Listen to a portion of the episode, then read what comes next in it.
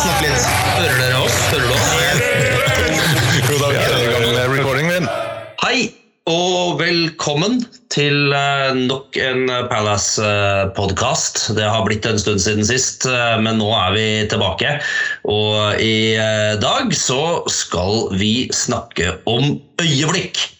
Eh, Jeg har fått med meg to eh, svorne Palace-fans her i dag. Øystein Orheim. Hei på deg, Øystein. Hallo, hallo. Alt vel? Ja da, jeg har jo vært litt eh, busy de siste, siste månedene. Jeg har bytta jobb og flytta og, og holdt på å styre og stelle. Så fotballen har kommet litt i andre rekke, men det får jeg gjort noe med ganske snart nå. Det er godt å høre. Og så har vi også med oss for første gang i dag Snorre Hauge Duffa. Eh, hei på deg, Snorre. Hallo, ja. Ja, Hvordan er det med deg? Du er jo det må jeg si her, du er jo ny nå i, i styret i supporterklubben. Du har tatt over eh, økonomiansvaret. Kan ikke du introdusere deg litt, eh, Snorre, og si hvem er du? Ja, Snorre Duva heter jeg. Jeg er 43. Kommer fra Sotra, vest for Bergen. Vært fellessupporter siden 1992. Det er veldig grove trekk. Mhm. Ja, men det blir, eh, det blir fint. Du er med for første gang, så vi ønsker deg velkommen inn og satser på at det ikke blir siste. Ja, i dag gutta, så skal vi snakke om øyeblikk. Og det er jo så mangt. De kan være gode og de kan være dårlige. De kan være lange og de kan være korte. Eh, men dere har fått litt sånn i, eh, i, i oppgave å ta med dere et par sånne øyeblikk inn i denne podkasten. Eh, og Da har jeg lyst til å begynne med deg, Snorre, siden du er med for første gang. Kan du fortelle om et av de øyeblikkene du har valgt? Ja, altså, jeg begynte jo å tenke litt på dette her når jeg fikk eh, ble innkalt til podkasten og øyeblikk. Altså, det, er jo, det er jo nok å ta av. da. Og så er det jo alle disse opprykkene vi har hatt opp gjennom årene, disse playoff-finalene, som da har vært noen meget hyggelige øyeblikk. Men eh, jeg valgte liksom å fokusere litt på noe annet. Altså, I 2010, eh, våren 2010, vinter og vår, da var det jo Da ble vi jo satt under administrasjon i januar. Fra 27. januar skulle møte Newcastle bort. Og så kom jo nyheten om at, eh, at klubben var satt under administrasjon. Og Det var jo ikke noe, noe særlig. Det var jo bare ti år siden sist vi hadde vært der. Vi har tatt masse poeng. Vi var jo, vi var jo med i Vi var jo, hadde jo helt på playoffen der, husker jeg. Og så plutselig var vi nede i nedrykksstriden. Vi, vi mistet vel bare 15 poeng vi fratratt. Det var i hvert fall et betydelig antall som gjorde at vi gikk fra opprykkskandidater til nedrykkskandidater. så det holdt. Og spillere forsvant i utrykte Moses ble jo tidlig solgt. Han var jo den vi hadde så vi kunne få mest penger for. da. Så det er jo solgt unna ganske raskt. Og så var vi jo med i FA-cupen. Og så uken etterpå, husker jeg, da skulle vi møte Wolves, Wolverhampton hjemme i FA-cupen. Da var jo de i Premier League, og vi var jo i Championship. Og vi manglet spillere. Mange spillere. Vi hadde jo egentlig bare Det var kun Lee, da, husker jeg, som var spiss. Så da satte vi inn han der høyrebacken, da, Danny Butterfield, på topp. og så gikk han jo pinadø hen og skåret ekte hat trick. Altså Først med hodet, så med høyre, så med venstre. Ingen imellom på samme omgang. altså Så ekte som det kan få blitt. Og kampen vi husker jeg ble sendt på TV 2, så det var mange, veldig mange som fikk med seg dette. her, uh, Inkludert meg. da. Og det var, det var, det var rett og slett bare moro. altså. Det var, det var et utrolig morsomt øyeblikk, tatt i betraktning situasjonen klubben var i akkurat der og da. At uh, vi fikk det der lyspunktet både mot Wolverhampton hjemme og i runden etterpå mot, mot Aston Villa når David Ambrose ved feide ball i krysset bak Brad Creedle. Men akkurat det der med Butterfield, det, det, det synes jeg var bare, det var bare kjekt. altså. Så det, Mm. det var mitt store, et stort øyeblikk som jeg valgte i hvert fall å trekke fram. Det var, det var rett og slett utrolig kjekt. Du husker kampen, Øystein? Å, herregud. Ja, eh, det, det altså, jeg husker hele den sesongen, eh, altså, spesielt da vårsesongen fra, fra, de, fra den Newcastle-kampen og, og ut helt til og med 1.6.2010, da, da vi ble redda fra, fra konkursen i siste time. Eh, alt det som skjedde det, det halvåret der, er jo brent fast i, i både hjerter og nyrer og lunger og og gud vet hva. Og, og vi tapte jo masse kamper. Altså, du sa Victor Moses forsvant tidlig. Det samme gjorde jo manageren eh, Neil Warnock. Han Mm. forsvant jo også. Han gikk vel til Queens Park eller noe sånt. Hart kom inn og skulle, skulle redde skuta. og jeg minst jeg husker at han, han, fikk jo egentlig ikke så veldig mange seire. Jeg tror det var fire seire totalt. Men han kara til seg akkurat nok poeng. Eh, det siste poenget da borte i Sheffield, og det var jo også en av de øyeblikkene som bare står igjen som et helt sånn surreal eh, moment i mitt Palace-liv. Jeg, jeg, husker, jeg, husker, den kampen her, eh, jeg også. Jeg har jo uh, det, det, som jo er så morsomt her, er jo at Danny Butterfield For de som ikke har hørt om han eller husker han, han, han var jo høyreback på Palace i, i, mange mange år. Han spilte jo langt over 200 kamper, men han skåra jo aldri mål. Altså, han var jo en klassisk defensiv back som kanskje i løpet av de 230 kampene eller hva han spilte, kanskje skåra to ganger. Uh, og Så setter de han inn som spiss, og så scorer han altså hat trick på sju minutter eller elleve minutter. eller et eller annet. Så det, så det, er, ikke, det er ikke bare et det er ikke bare et hat trick, det er et sånt hat trick som kommer fullstendig ut av det blå av en fyr som aldri skårer mål. Og det er, det er jo helt altså, Cupen er fantastisk på den måten der, altså.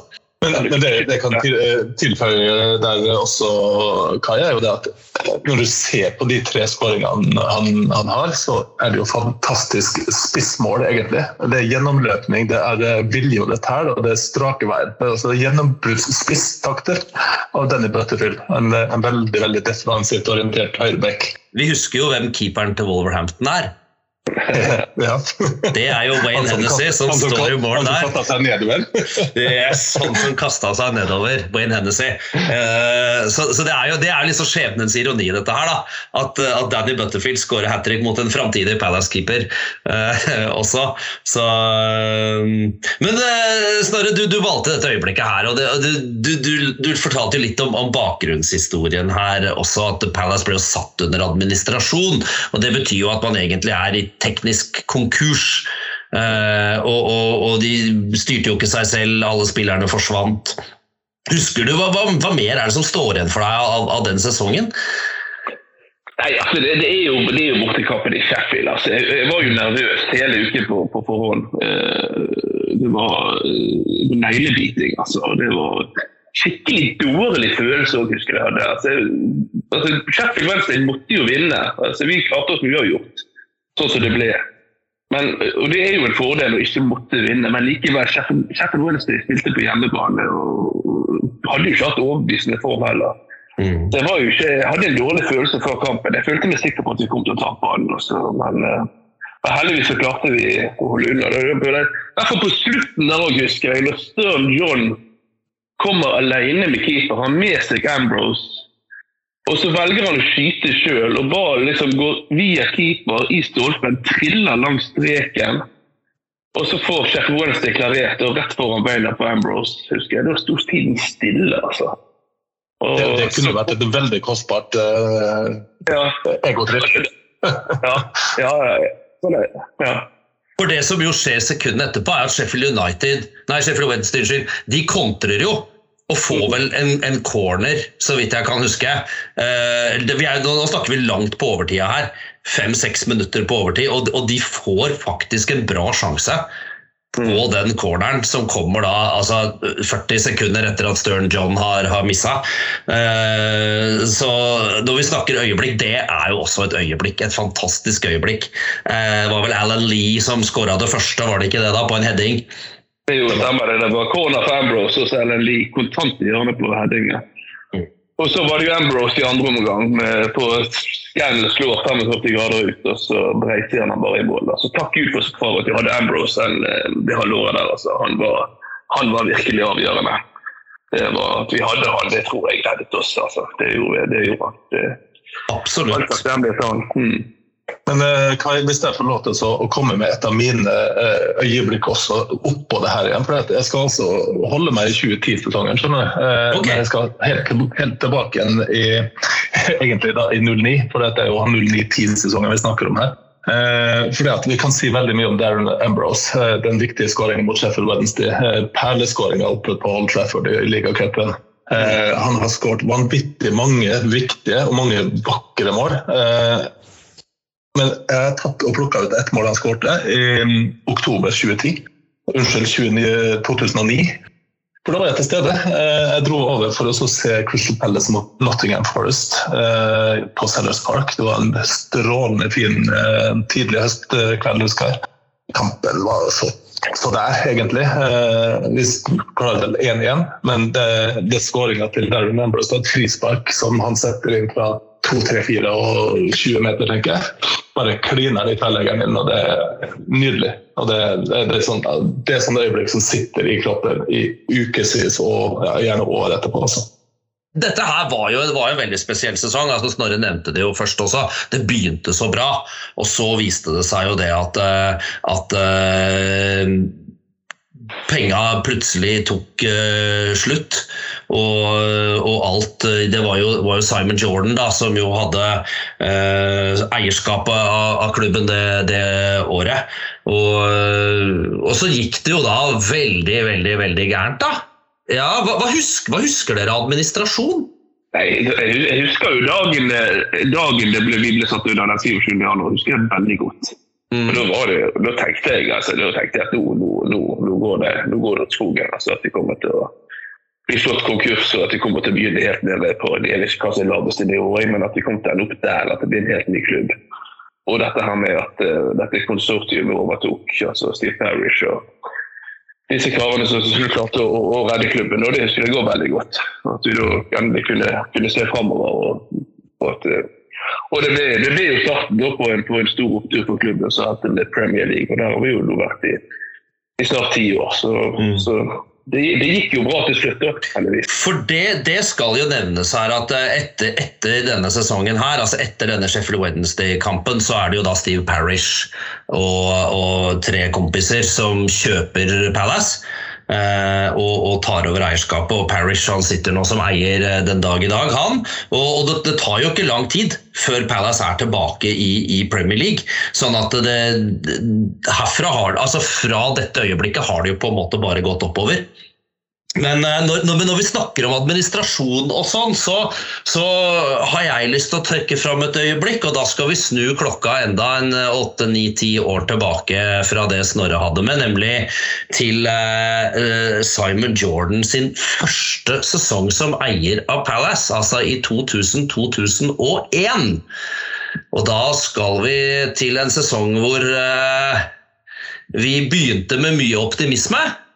Med ny eier og ny manager, Alan Smith eh, ble jo henta tilbake.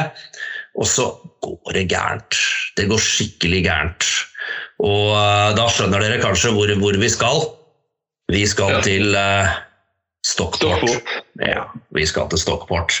Uh, datoen her er vel i, i, april, 28. april, så vidt jeg kan huske. 28. april 2001. Siste serierunde. Palace borte mot Stockport. Uh, må vinne for ikke å rykke ned i, i League One. Uh, samtidig som er det vel Birmingham som heller ikke må vinne sin kamp. Husker dere hvordan dette skjedde, gutta? Begynner deg, Øystein. Husker du kampen? Jeg så ikke kampen den gangen, eh, men har sett det er et videoklipp som ligger på YouTube. Den er noe sånn I'm a Survivor-musikk som ligger bakpå. Den har jeg spilt en, en 73-74 ganger. Og det er jo like morsomt hver eneste gang. Altså. Det, det, det, er helt uh, euforisk når vi ser den klassiske hensen. Jeg vet ikke om det var Akiri Lahti som hensa i forsvaret, og så stormer de bare framover. Og det, det, er jo klikk-klapp-fotball. Kontringer ut av ja, en annen verden, egentlig. Ja. Hvor så... Doggy dog får æren av å kline den i mål. Og, ja. ja, han gjorde det. Husker, husker du kampen, Snorre? Ja, det husker jeg veldig godt. Jeg fikk ikke sett den heller. Da var det så på der tekst-TV. De oppdateringene der. og Jeg trodde kampen var slutt, jeg, og så plutselig kommer det 0-1.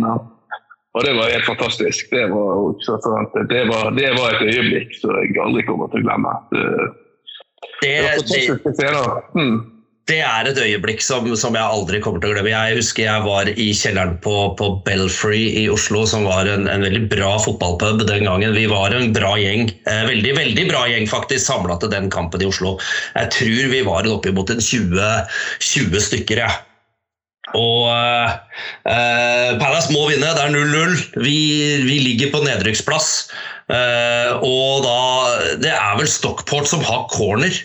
Og så blir den hedda ut, og så er det, det er David Hopkin, faktisk, Stein. Øystein. Ikke Akerilaktig, men det er David Hopkin som faktisk henser utenfor 16-meteren når han skal klarere ballen på huet. Eh, dommeren ser det ikke. Ballen blir spilt framover til da etter hvert Dougie Friedman som eh, klinker den i, i nettaket fra ti meters hold. Og, og, Palace tar ledelsen da. og Dette her skjer altså da i det, i det 89. minutt. Så vi er altså tre minutter fra nedrykk. Uh, og det er jo ville, ville scener der på, på lille Edgeley Park i, i, i, Stockport. En ting som faktisk mange glemmer, er at Stockport faktisk har en bra sjanse på overtid etterpå. Altså, det, ja, det, det, ja. Eh, det er veldig fort gjort å glemme det i den viraken og den gleden over at Dougie Friedman skårer, men altså Stockport har faktisk en, en, ganske bra sjanse der etterpå også, så det, det, det var en hårsbredd. Uh, var det Wilbraham eller var det Cookie som hadde den sjansen for Stockport? Ah, du, det husker jeg ikke. begge de spilte jo den. Vet du hva, jeg, det, det, jeg husker mest fra det, var totalt kaos inne på, uh, i kjelleren på Belfry. Uh, hvor stoler og bord og mennesker lå i en sånn masse rundt oss på gulvet og, og rulla i øl. Og, og, og voksne menn som klemmer og koser og kysser hverandre i ren ekstase. Uh, vet du hva, det, altså det, er et, det, er et, øyeblikk som er altså Det er så nagla inn i, i hukommelsen min at det er uh, det, gleden over å bare være der sammen med andre Palace-fans og se det her skje, det var, det var helt, helt, surrealistisk. Helt vanvittig. Uh, og ikke minst, kanskje, kanskje den viktigste skåringa i Palace sin historie, nesten, tror jeg. Altså er, den er topp tre av viktigste skåringer. For hadde han ikke skåra, så hadde vi rykka ned, og da hadde ikke vi sittet her og laga podkast i dag, tror jeg. Ja, det tror jeg ikke heller. Nei, jeg tror ikke jeg har noe. Fordi Tenk, tenk, hva et sånt nedrykk ville, ville, ført for klubben den gangen. Altså, Tilskuertallene lå jo på 14 000-15 000. Så skal du ned i League One, og så er du på 10 000. Og nei, vet du hva. Det, det er et øyeblikk som, som, står som en påle i Palace-historien. Snorre, har du et ja. øyeblikk til til oss? Veggen, ja, ja da, det har jeg. Nei, Da skal vi til, eh, tilbake til det glade 90-tallet. Eh, for eh, da, I 1997 sommer, da rykket vi opp. Da var Hopkin sprudde ballen i krysset, og vi skulle nok en gang tilbake til, til Premier League.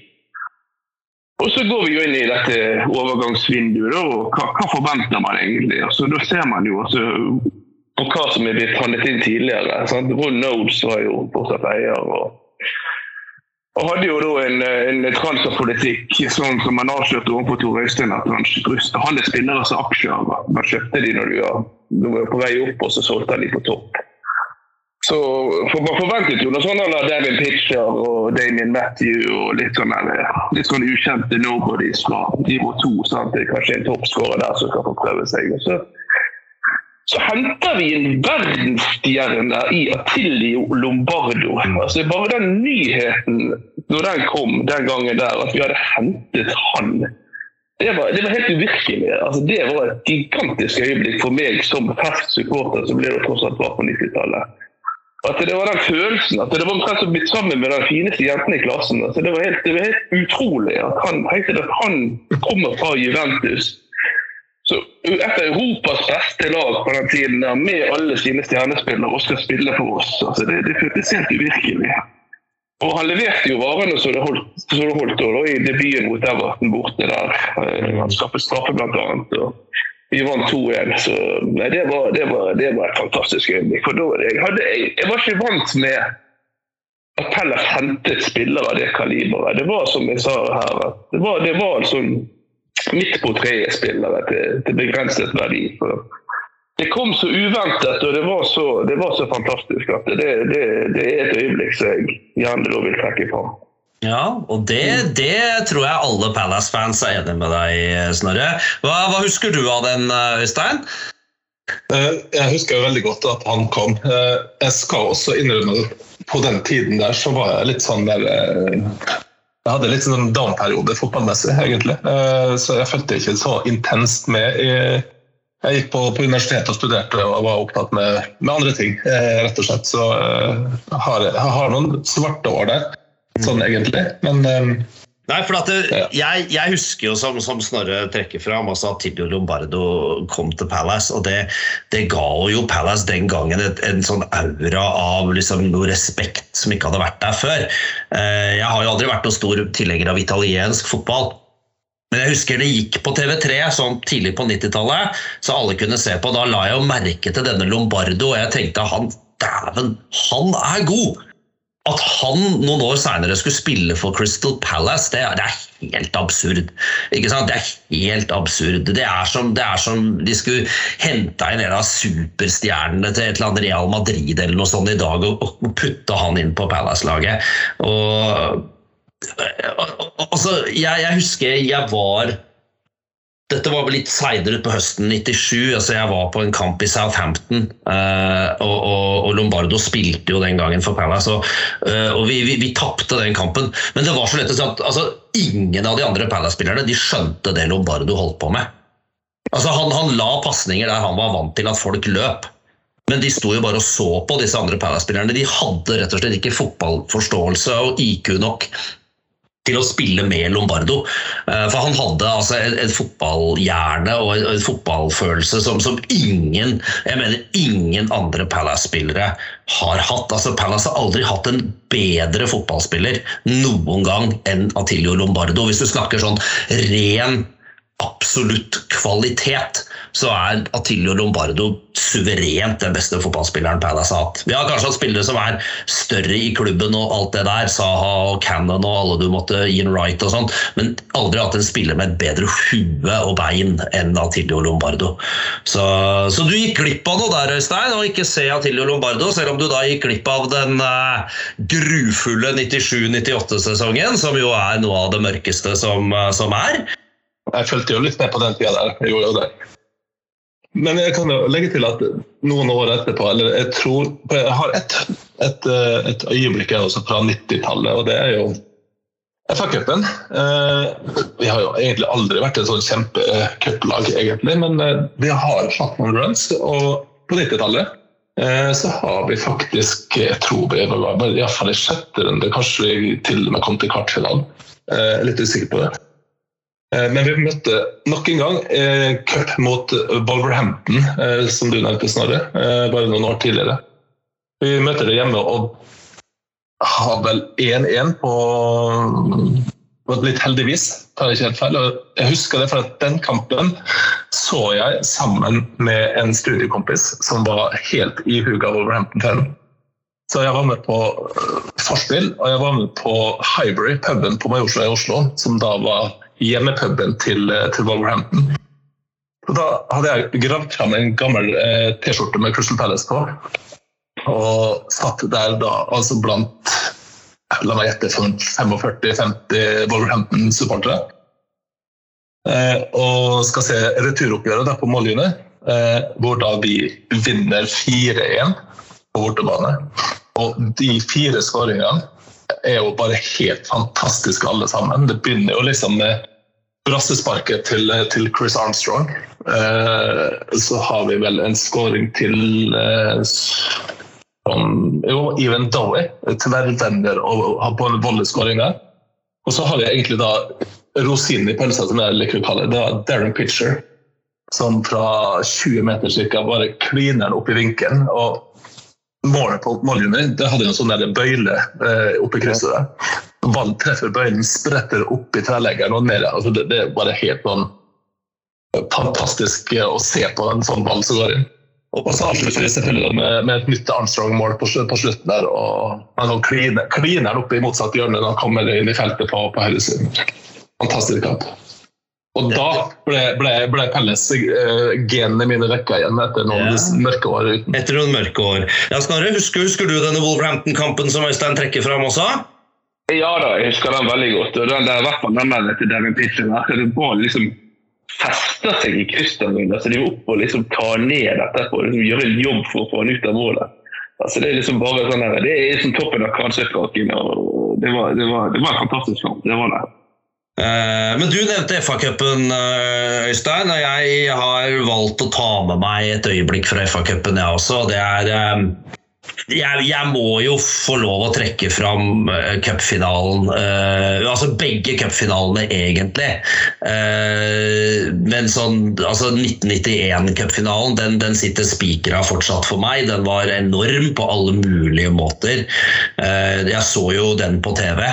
Men at jeg sjøl skulle få lov å være på cupfinale i, i, i 2016 og se Crystal Palace spille cupfinale på Wembley Vet du hva, det hadde jeg ærlig talt ikke uh, altså jeg hadde, jeg hadde, ikke gjort noe annet enn å drømme om det. Uh, så, så, hele den, den, dagen og hele den, selv om vi taper uh, Og det er, det er, mye som kan sies om det, men altså De små minuttene vi leder når Jason Punchen banker den inn i kassa i det 78. minutt, og det går totalt bananas uh, rundt meg på alle kanter på den tribunen på Wembley, og folk ligger over hverandre, og det skrikes og det vræles, og, det, og, og, og de, de, de få minuttene der sånn, hvor du tenker at nå vinner vi. Nå vinner vi! Det er ti minutter igjen.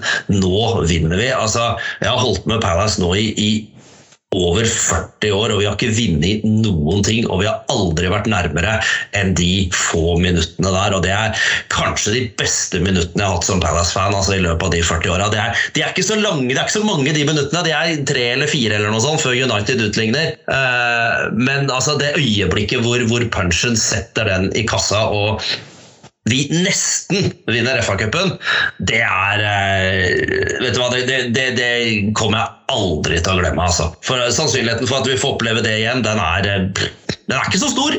Nei, jeg var jo også på, på den playoff-finalen i 2013, og det, det, er jo samme følelsen, vil jeg anta. Jeg ikke, fikk ikke vært med på cupfinalen.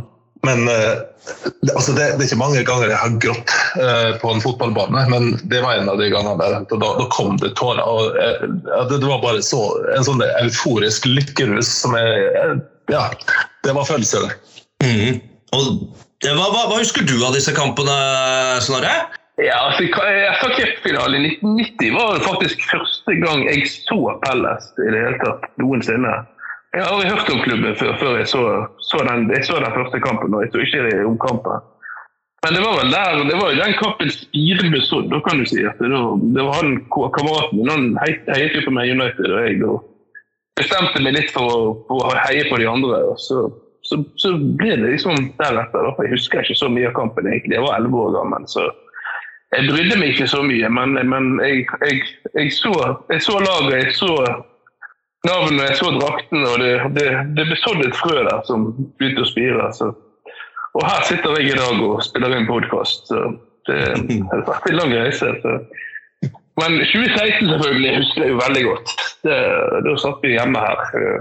Jeg, meg og to kamerater satt og så på. Det er jo så du sier at når Punchley skåra der, altså det, det, det, var, det utløste en vanvittig jubelscene her. Altså, men så, så varte det dessverre ikke så lenge. Det, var, det ble litt antiklimaks der. Da. Det var vel Runi som fikk ut Eller var det Mata? Jeg husker ikke helt. Men de utlignet i hvert fall. Det var ikke mange minutter. Det var sånn jeg, jeg rakk nesten ikke bli nervøs engang før de hadde utlignet. Så, så kommer jo disse ekstraomgangene da, og så er det selvfølgelig Jesse Lingard, og så, så, så, så blir matchvinner der. Så det var jo det var jo surt, men det er jo sånn som du sier, Kai, at de, de minuttene vi ledet, det var, det var euforisk og selvfølgelig et fantastisk øyeblikk. Det, ja, for det er klart altså, Crystal Palace har jo ikke vunnet noen ting som teller Nei. på de 100 og skal vi se 18 åra som denne klubben har, har eksistert. Så har de, og, og, og, og personlig, bare det å jeg har, jo, jeg har jo vært på Weblin noen ganger før, men det å få lov å se eh, Palace spille eh, cupfinale på Wembley. Det å få være der og, og høre 'Abide with me' og, og alt dette som hører cupfinalen til, det hadde jeg ærlig talt ikke trodd jeg skulle få lov til. Eh, og, og, og det, det, er et, eh, et, et lykkelig øyeblikk, selv om, eh, selv om, selv om det ikke resultatet ble sånn som vi, vi håpa. Så i hvert fall de minuttene der, de er priceless, altså. Helt fantastiske. Mm. Ja, nei, det, synes jeg, det hadde vært kjekt med trofé. Altså, vi vant jo den Zenit-cupen der i, i, i 1991, men den, den teller vel ikke. Så. Liga, en ligacup, liksom, det, det, bare, bare det hadde vært helt fantastisk. Altså, bare et eller annet av sølv. Et eller annet som, som er litt sånn anerkjent. Ikke sant? Ja. Altså Ligacupen er nå i hvert fall anerkjent. Om ikke den eh, er eh, så stor lenger, så er den jo fortsatt anerkjent. Det er jo bare topplag som vinner den hvert eneste år. Eh, så, så det, det, det, de stiller sterkt, de også, når det, når det, drar seg til. Så ja, det er, det er det største jeg håper på, at en gang at jeg får lov å se Palace vinne et ordentlig trofé. Men, det... men vi, må ikke, vi må ikke kimse av eh, Zenit Datacupen eh, Snorre og Kai. for jeg, jeg, tviler på at det er så veldig mange andre store, gode lag som har vunnet den. Nei, det er det ikke. Eh, det, det, skal sies da Palace slo Everton 4-1 i den kampen der. Og, og det, var, det, var, jo et bra Everton-lag. altså Hvis du går tilbake og ser på den lagoppstillinga til Everton, så er det jo mye av den stammen i det laget som var på det Everton-laget som faktisk vant serien i hvert fall var det, var det to ganger på 80-tallet. De, de, vant, og det, det, var Neville Southall i mål, og, Kevin Sheedy spilte og, altså, eh, Graham Sharp og ja, Tony Cotiva han skåra vel for Everton, så vidt jeg kan huske. Og, det, det, her er, altså, det, det, var ikke noe, noe dårlig Everton-lag. Altså, det var et Everton-lag som var absolutt blant de bedre i England på den tida. Så, og veldig veldig morsom kamp. Kjempegøyal kamp. Eh, jeg husker jeg så den. Den gikk jo på, på Sky One. Og det hadde vi på en eller annen merkelig grunn hjemme på Harestua. Så det var Sky One det var på, i kanalpakka der. Så jeg kunne jo sitte og se alle disse her Zenit Datacup-kampene. Særlig de tidlige rundene som ingen brøy seg om, hvor det er sånn 3000 tilskuere. De gikk jo da på Sky One. Og det er øh, fantastisk gøy å få lov å se på. For dette var en tid hvor du aldri fikk se på Palace spille. ikke sant? Palace var aldri på TV. Så det, det, det, det betydde faktisk mye. Men, eh, men kan, kan, jeg, eh, at eh, jeg ser at vi, vi, begynner å nærme oss tida mm. vi skal avslutte. og Apropos Pelles på TV og sånne ting. Jeg har et siste minne, et siste øyeblikk som, som jeg bare har lyst til å få trekke fram før vi, før vi gir oss. Ja. Og det, det, tror jeg faktisk er et minne som vi, vi deler, her, ja, du. Det er faktisk den dagen som jeg begynner å holde med Crystal Palace. Ja. 1.11.1980. Da er det tippekamp på NRK, og da er det Manchester United som er motstanderen til, til Palace. Um, og På den tiden der så holdt jeg jo, eller jeg fikk beskjed av min bror om at jeg skulle holde med Manchester United, for han var Liverpool-supporter. Jeg var ti år gammel, selvfølgelig. Jeg kunne ikke si imot da. Eller si, Det var kanskje sju år da jeg fikk, fikk den klubben der. Uh, men jeg hadde jo mine favorittspillere. Det var Ray Wilkins, og det var Steve Coppell, og det var Gary Burtles og Joe Jordan og Lou Macari og Mickey Thomas, Rest in Peace og, og, og you name it. Og ikke minst i forsvar med Kevin Moran og Arthur Albiston. Alle de der spilte jo i den kampen eh, mot Crystal Palace. Eller ikke, ikke han eh, første, Wilkins spilte ikke. Og Gary Bailey, husker han, eh, keeperen. Han sto i baren. Han ble jo lam tror jeg, noen, noen sesonger senere. Men da spiller vi altså Eller vi, da, jeg, da holdt jeg med United i utgangspunktet. Men jeg snitcha i det 45. minutt, for da skårer jo Peter Nicholas. En fantastisk lobb eh, over Gary Bailey. Eh, og fra det tidspunktet da tok jeg eh, mitt første og eneste bytte av lag. Og det er lov når du er ti år. Og nå velger selv. da, da er det lov. Da er det lov. Ja. Jeg... Den, den, den, står der, altså. Den, den er brent inn. Og, og, det som er litt morsomt, den er det bare før du overtar, eh, Kai, det er jo at Peter Nicholas han, han spilte i Palace i to perioder. Mm. Eh, første gang var vel ja, i den perioden her, eh, tidlig 80-tall. Og da spiller han i underkant av 130 kamper og skårer hele sju mål. Så han var ikke akkurat notorisk målskårer. han var vel egentlig en defensiv midtbanespiller, tror jeg ikke helt feil. Men jeg googla litt opp i dag også, eh, så tenkte jeg han må jo være 90 år gammel. eller noe sånt, for Det er jo så lenge siden. Jeg var bare 10, og han var ca. 20, så han er faktisk ikke mer enn 63 år gammel. Han spiller holder på å sende han. tenker jeg. Du vet jo, Mange av disse Palace-spillerne den gangen var jo dette Team of the 80s-laget. Mm. Eh, Terry Fennick og Kenny Sansom og dette her. Og de, klart I 1980 så var de bare 20 år gamle, de, vet du. Så det er fort gjort å tenke at de er gamle. Peter Nicholas har jo, jo. Uh, vært innom Palace uh, et par-tre ganger seinere også, i, i trenerroller og, og, den typen ting. Uh, men du nevner den kampen, og jeg, jeg, jeg, satt og tenkte nøye på den kampen tidligere i dag. For det er absolutt for meg personlig et, et, øyeblikk som sementerer uh, meg som Palace-fan. Jeg, jeg, har jo fortalt den historien her noen ganger før, og det, eh, det skader vel ikke å ta den her også. At jeg eh, ble jo Palace-fan tror jeg kanskje noen uker eller en måned eller noe sånt før denne kampen her. Jeg hadde vel aldri sett fotball på TV.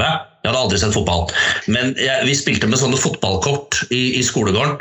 eh, hvis dere husker det? Ikke sant? Man kasta inn kortet på bakken, og så landa de opp og ned, og så fikk du kort og sånn. Og så satt jeg hjemme på gulvet hos besteforeldrene mine. Jeg, jeg, var jo, uh, 19, jeg er jo sju år da, på det tidspunktet. Og så opp av denne bunken med fotballkort som jeg har uh, eh, erverva meg, så trekker jeg opp kortet med David Swindlehurst uh, fra Crystal Palace i denne nydelige hvite red and blue sash skråstripedrakta. Og jeg ser på denne mannen med en merkelig hårsveis og verdens flotteste uh, altså Hårsveisen håret hans er så høyt at det forsvinner ut av bildekant, hvis du skjønner. Uh, det ser ut som det går rett opp. Det ser ut som håret hans står rett opp. Og jeg sitter på gulvet og ser på det kortet og bare sånn De skal jeg holde med. For dette var den flotteste fotballdrakta som jeg noensinne hadde sett. Og jeg hadde aldri sett noe så pent, så jeg bare bestemmer meg der dem skal holde med. Og så da når tippe, For jeg mener den Palace-kampen er vel kanskje en av de første tippekampene. Uh, og, og, og, faren min så alltid på tippekamp, som alle andre gjorde. Og når jeg da oppdager at det er Crystal Palace som skal spille i denne tippekampen, og de attpåtil vinner mot Manchester United, da er på en måte min, min kjærlighetshistorie er sementert. Og den har jo da vart da siden uh, ja, oktober, i hvert fall, hvert fall 1. november, så har det jo aldri vært noe vei tilbake. Uh, 1980. Uh, lite skulle jeg da vite at denne sesongen skal jo bli den verste sesongen i Palace sin historie. ja, det, det, er fullstendig klar etter, etter, etter, denne kampen her så vinner de vel Er det tre kamper til eller noe hele sesongen? Ja. Altså tre eller fire kamper. Og de, de, de, får 17 poeng, som er bunnrekord på det tidspunktet her i, i, i førstedivisjon, som det het den gangen. Uh, og, og, alt går gærent. Og, og, og, jeg har Hvis dere husker dere bladet som het Sport i bilder? Yes. Yes, du husker det. og Der var det sånne lagoppstillinger fra uke til uke. og Jeg, har, jeg hadde i hvert fall, eh, for jeg hadde dette bladet en eller annen måte hjemme. Tanta mi tok det med. eller noe sånt, og Der leser jeg da fra uke til uke. Jeg ser at Palace taper og taper og taper og taper. Og taper og taper. Og Jeg begynner da å stryke over sånn Coventry 3, Crystal Palace 0. ikke sant? Så begynner jeg sånn å stryke over, for jeg vil ikke akseptere at de taper 3-0. så det var sånn null stryker, og står det sånn tre, og sånn, så driver jeg og finner opp egne målscorer og sånn. Uh, Altså, det var et hardt, hardt, hardt, slag for en liten gutt å skjønne det at, eh, at, at laget du holder med, faktisk er forferdelig dårlig fotballag. Skal jeg komme med en liten fun fact, For vi skal jo, Fire år tidligere så spilte jo faktisk Crystal Palace en veldig veldig bra kamp hvor Dave Swindlehurst skårer det ene målet, og slår, der slår vi altså Leeds 1-0 i fjerde runde i cupen. Mm. Leeds var på det tidspunktet der suveren. suveren. Det var vel de var vel uh, European Champions, uh, faktisk. Ja. var, Super Leeds. Mm, ja, og det var, det var, fantastisk også. Jeg husker jo den, eller husker, husker, jeg har sett den igjen i, i etterkant. Så det, uh, men det var altså Dave Swindlehurst, og det, det, går vel fortsatt den dag i dag. 14. Eh, i andre, det er jo ganske nøyaktig en uke siden. Eh, det er Davis Swindlehurst Day. Eh, så vet dere, vet dere det òg. Mm, det var interessant. Ja, nei, jeg, Som sagt, United-kampen den er viktig for mange av oss. Jeg, jeg, jeg skal ikke innrømme, jeg, husker ingenting av kampen. Jeg husker ingenting. Jeg husker Palace uh, vant. Det er, det er det eneste jeg har. Så ja, nei, men Dette var spennende, gutter. Veldig gøy å sitte her og mimre sammen med dere. Vi, vi har jo bare gått tilbake til 1980, og jeg vet jo det at det sitter veldig mange med, med kompetanse på 70-tallet og 60-tallet. og ja, Det hadde vært morsomt hvis vi kunne fått med både Bent og Bjarne og Knut og Tormod. altså Alle de, de som har eh, noen år mer på baken enn oss. Det er Absolutt. utrolig at tror utrolig at det fins, men Da er, da, da er terningen kastet til alle dere som sitter og hører på dette her. Så eh, når vi, eh, når vi, når vi lager en oppfølger om litt, så, eh, så er dere hjertelig velkommen til å være med. Ja, men da sier jeg tusen takk til dere, Snorre og Øystein. Takk for i kveld. Mm. Så snakkes vi igjen om litt.